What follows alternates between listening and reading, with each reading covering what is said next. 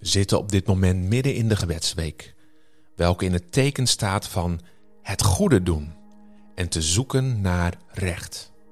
Waarbij het thema geïnspireerd is door het Bijbelboek Jesaja 1 vers 17 dat zegt: Leer goed te doen, zoek het recht.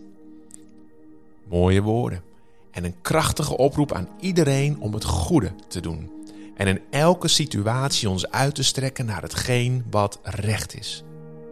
En ik denk dat veel mensen zullen beamen dat dit belangrijk is en dat het ook iets is wat ze zelf nastreven voor hun eigen leven.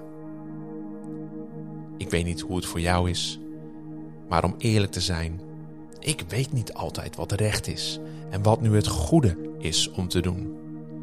Wat goed en recht is, is vaak aan perceptie onderhevig. En hoe ik kijk naar wat goed en recht is, is niet altijd hetzelfde als hoe een ander kijkt naar goed en recht. Hoe is hetgeen dat goed en recht is in jouw leven gevormd? En wie of wat heeft daar invloed op gehad? Wanneer we Gods woord, de Bijbel onderzoeken, dan hou ik ervan om even de grondtekst erbij te pakken. Om te zien wat daar nu eigenlijk staat. In het Hebreeuws of Aramees, de taal waarin het Oude Testament geïnspireerd is, hebben woorden vaak een veel rijkere betekenis dan dat wij kennen in onze taal. En daarom is onze vertaling vaak al een interpretatie van de vertaler zelf van hoe hij of zij naar de desbetreffende tekst kijkt.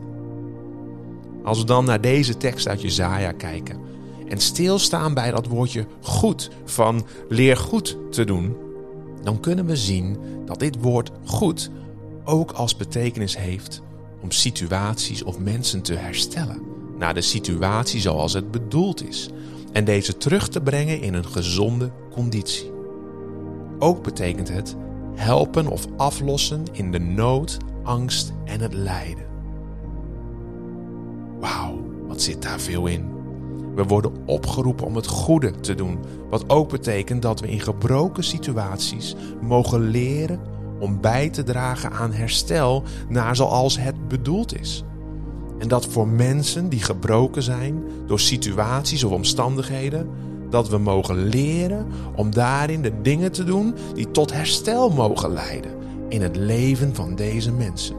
En dat we mogen leren aandacht te blijven geven totdat de situatie en omstandigheden zich weer in een gezonde conditie bevinden. We worden opgeroepen om te leren de dingen te doen die mensen helpen of zelfs verlossen van hun nood, angst en lijden. Leer goed te doen.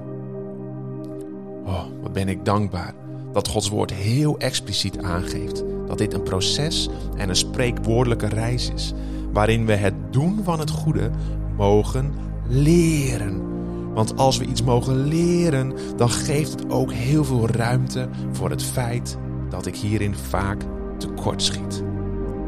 En aangezien God altijd overvloedig geeft, bevestigt Hij ons nogmaals door aan te geven dat we mogen zoeken naar recht.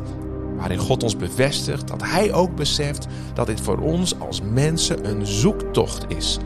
En dat het voor God in die zoektocht vooral gaat om die hartsgesteldheid van het zoeken en uitstrekken naar hetgeen wat recht is dat bepaalt me dan ook hoe we daarin naar onszelf mogen kijken. We mogen leren het goede te doen. We mogen zoeken naar hetgeen wat recht is. Maar in dit proces van leren en zoeken en zelf daarin ook gevormd te worden, mogen we weten dat wij zelf als kinderen van God gerechtvaardigd zijn uit geloof.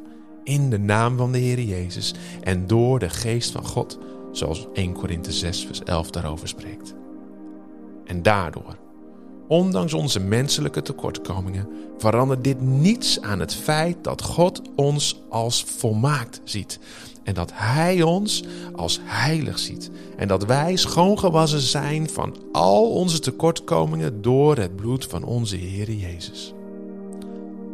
Laten we deze week in onze gebeden dan ook vragen of God ons meer en meer mag laten zien hoe Hij naar jou persoonlijk kijkt. En dat we door Zijn geest dit ook leren accepteren in ons denken en in ons hart. Maar dat we ook leren te kijken naar de ander op dezelfde manier zoals God naar de ander kijkt. En in die relatie dan ook het goede te doen en te zoeken naar recht. Amen.